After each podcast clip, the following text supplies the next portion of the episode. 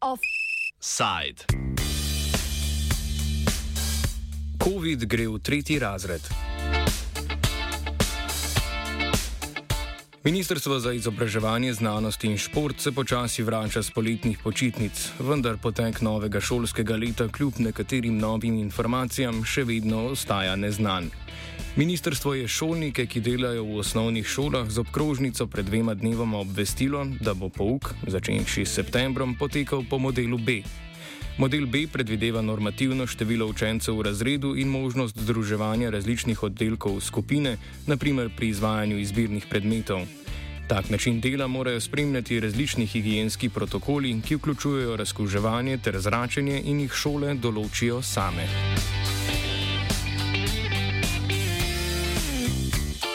Še zmeraj pa ni jasno, kateri bodo pogoji, ki jih bodo zaposleni za varno delo morali izpolnjevati. Na predlog Združenja ravnateljic in ravnateljev Ministrstvo za izobraževanje podpira uvedbo samotestiranja za zaposlene v šolah. Natančneje predsednik Združenja Marko Pečan.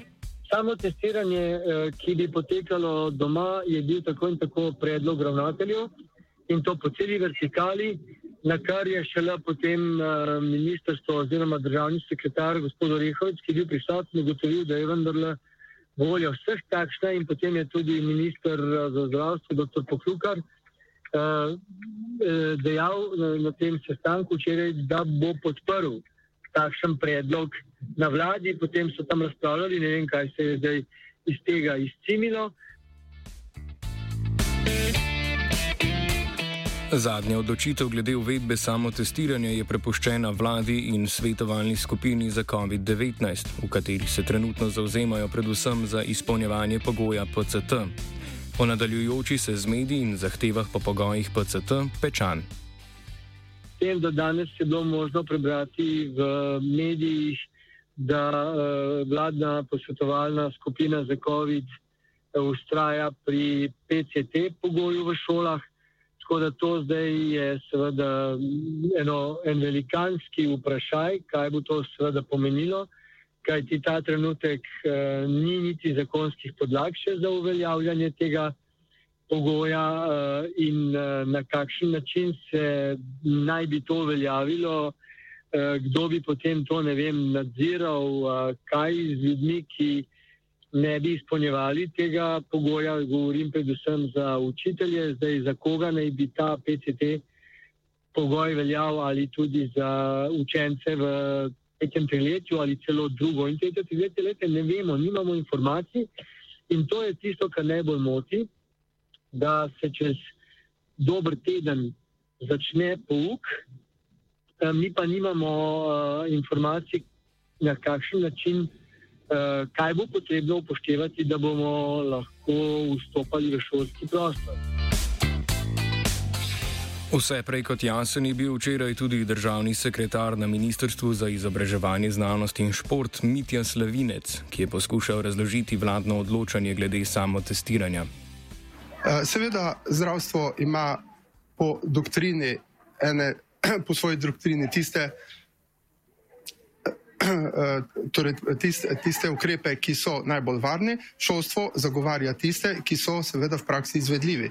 Na tem mestu seveda povdarjam, da ko je bil predlog za samo testiranje tudi učiteljev, je Ministrstvo za šolstvo to tudi tako videlo, da je praktično najbolj izvedljivo in vkolikor bo Ministrstvo za zdravstvo seveda ugotovilo, da je ta opcija izvedljiva, da je ta opcija dovolj varna, da bodo učenci lahko v šolah ostali dovolj dolgo časa, čim dlje časa, potem uh, seveda bomo zelo veseli, če bodo ta naša prizadevanja, ki smo jih sedaj prevzeli, v bistvu ta predlog, uh, uspešna.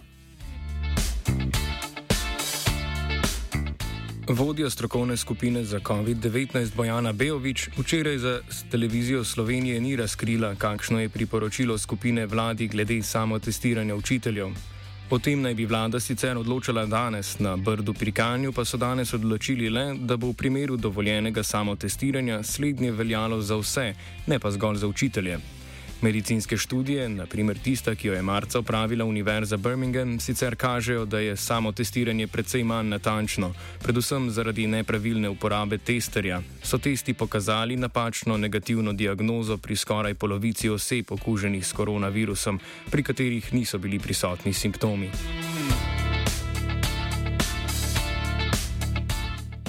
Branimir Štrukelj, predsednik sindikata vzgoje, izobraževanja, znanosti in kulture Slovenije, prav tako opozori na pomankanje zakonske podlage za nekatere napovedane ukrepe, so pa v sindikatu naklonjeni ideji o samotestiranju zaposlenih. Kar se same te, eh, samega samotestiranja tiče, smo zadovoljni, ker na nek način vsaj v osnovi zdaj spreminja ta bom rekel, nezaupljiv odnos do uh, uh, ljudi v vzgoju in izobraževanju in predpostavlja, da uh, bomo odgovorno izvajali to varnostno nalogo z samo testiranjem. To je pa tudi uh, vse, kar je tako rekoč uh, pozitivnega. Pred začetkom šolskega leta številna ključna vprašanja so ostala odprta in to tik pred začetkom uh, pedagoškega uh, leta, tako da nas skrbi, uh, kako bomo v šolah, tako ravnatelji kot učiteljstvo in drugi zaposleni sploh lahko funkcionirali, glede na to, da ni niti ustreznih zakonskih oziroma pravnih podlag za izvajanje Eh, posameznih elementov tega načrta, kot je recimo ta trenutek, eh, eh, je manj znano, da sploh ni podlage za kakršnokoli obvezno testiranje, ne v vrtcih, ne v šolah, ker je bilo to ukinjeno 20. julija. Uh, in uh, samih predpisov pa še ni, ne? tako da je ta reč resna. Drugo, recimo, nišče jasno ne pove, kaj bo s tistimi, tako dijaki, recimo na vse zadnje študenti uh, in zaposlenimi, ki ne bodo izpolnjevali nobenega od treh uh, uh, pogojev, torej uh, PTC pogojev, kot jih zdaj imenujemo, uh, pri čemer se bojimo, da bi lahko prišlo do kakšnih nepotrebnih restriktivnih ukrepov. Uh, in tu uh, bomo pač uh, morali opraviti svojo zaščitniško nalogo, če bo potrebno. Z metodo samotestiranja, ki z začetkom leta ne bo obvezno, so zadovoljni tudi v Dijaški organizaciji Slovenije, vendar dijaki še niso prejeli popolnih navodil. Maja Kalin, predsednica organizacije. To je sicer strategija, ki je zastavljena za začetek leta, ampak Um, Obenem je še vedno veliko, še vedno veliko odprtih vprašanj. V smislu, da ne vemo, kako bodo prevzemali te um, teste, za samo testiranje bilo je zagotovljeno, da bodo brezplačni, ampak ne veste še, kako jih bodo prevzemali. Torej v šolah nekaj je bilo govora, da jih bodo lahko prevzemali kar v lekarnah, ampak nič ni jasnega. Poleg tega pa so še odprte vprašanje, kaj bo z obšolskimi dejavnostmi. Um, torej ne vemo, ali bo potrebno dodatno samo testiranje ali bo to plačljivo testiranje. Um, dejansko se še ne ve. Uh, poleg tega pa se tudi ne ve, kaj bo z dijaki, ki bodo v tej obvezni fazi samo testiranja zavrnili to testiranje. Torej, um, se bo za njih izvajal hibridni način pouka oziroma kaj se bo dejansko zgodilo s temi dijaki. Um, zdaj nekako moramo se zavedati, da um, vstav v šolo nekako smo pričakovali, da bo pogojen um, v smislu, da so okužbe, mislim, da je okužbe res veliko in da smo tudi od lanskega leta nekako napredovali z vsem tem, da se tudi za druge dejavnosti nekoliko omejuje vstop. Um, mislim, da glede na to, da si želimo res, da bodo šole odprte čim dlje, se pravi, da se bodo zadnje zapirale in prve odpirale, um, je nekaj bilo potrebno narediti in da je to najboljša alternativa izmed vseh ostalih. Na nezadostno postopanje vlade na področju vzpostavljanja uspešnega sistema za bivanje in delovanje z virusom je v zadnjem letu večkrat opozoril nekdani ministr za zdravje Dušan Keber. Pristojna ministrstva je poskušal pozvati k ukrepom za prezračevanje javnih in stanovanskih stavb, kakršne so šole, s čimer bi lahko pripomogli k počasnejšemu širjenju virusa. Keber na kratko predstavi logiko, zakaj je takšno ali drugačno prezračevanje priporočen ukrep. Koronavirus je zdaj končno po enem letu priznala tudi uradna stroka, se prenaša po zraku z aerosolom.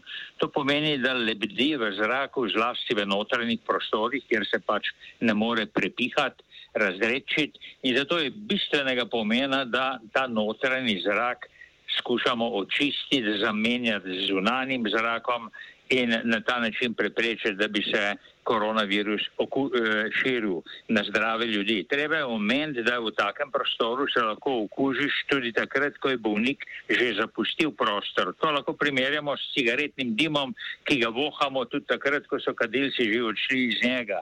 Skratka, prostora je potrebno učinkovito prezračevati. Ne na ta način, kot večina slovencev meni, dvakrat na dan za nekaj minut, ampak učinkovito prezračevati.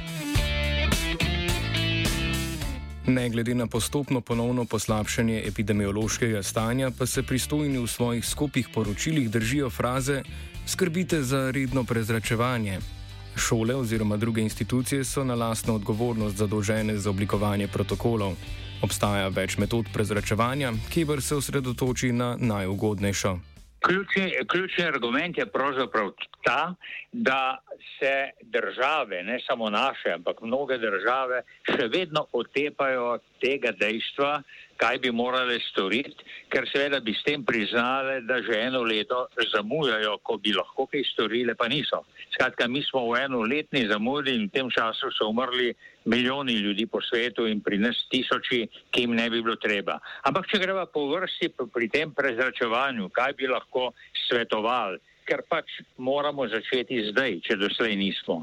Najprej seveda, če ni drugega, je prav gotovo na mestu kar navadno prezračevanje. To prezračevanje običajno pomeni vsaj 10 minut vsako uro z nastežaj odprtimi okni. Šolam, na primer, bi jaz svetoval, da absolutno vse učilnice opremijo z merilcem oglikovega dioksida.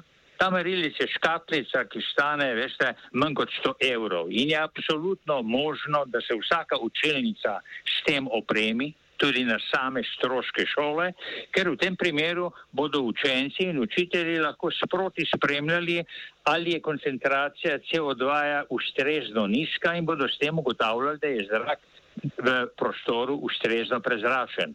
Te, te CO2 naprave, ki jih zdaj uvajajo vse posod po svetu, dobesedno motivirajo, če ne drugega, k rednemu odpiranju oken. Torej, to je prvo. Prezračevanje z merilci CO2. -ja. Dražji metodi sta namestitev prezračevalnih naprav in filtriranje zraka, kar bi stalo nekaj tisoč evrov za vsako učilnico.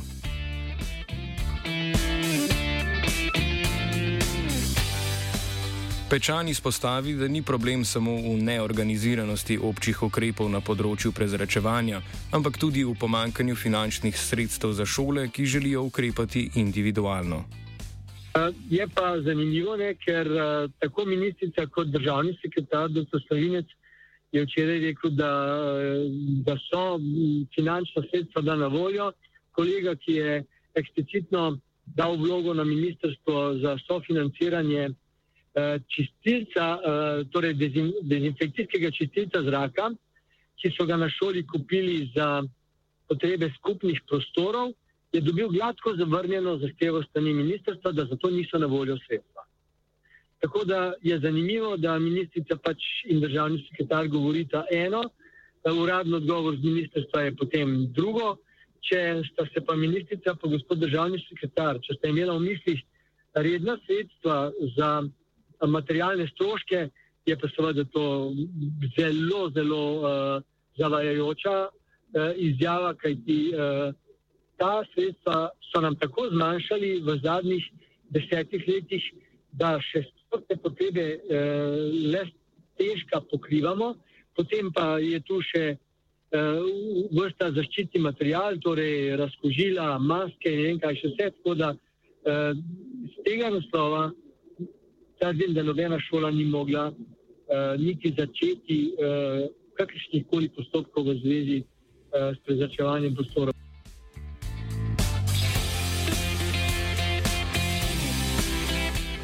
Novo šolsko leto bo torej zaznamoval nepregleden kaos in samo upamo lahko, da to ne pomeni, da se bodo šole hitro po odprtju tudi zaprle. Obljubljene vlade o tem, kako se bodo trudili, da do tega ne bo prišlo, glede na dosedanje prakse, ni najbolj tolažeče. Offside je pripravila Aida.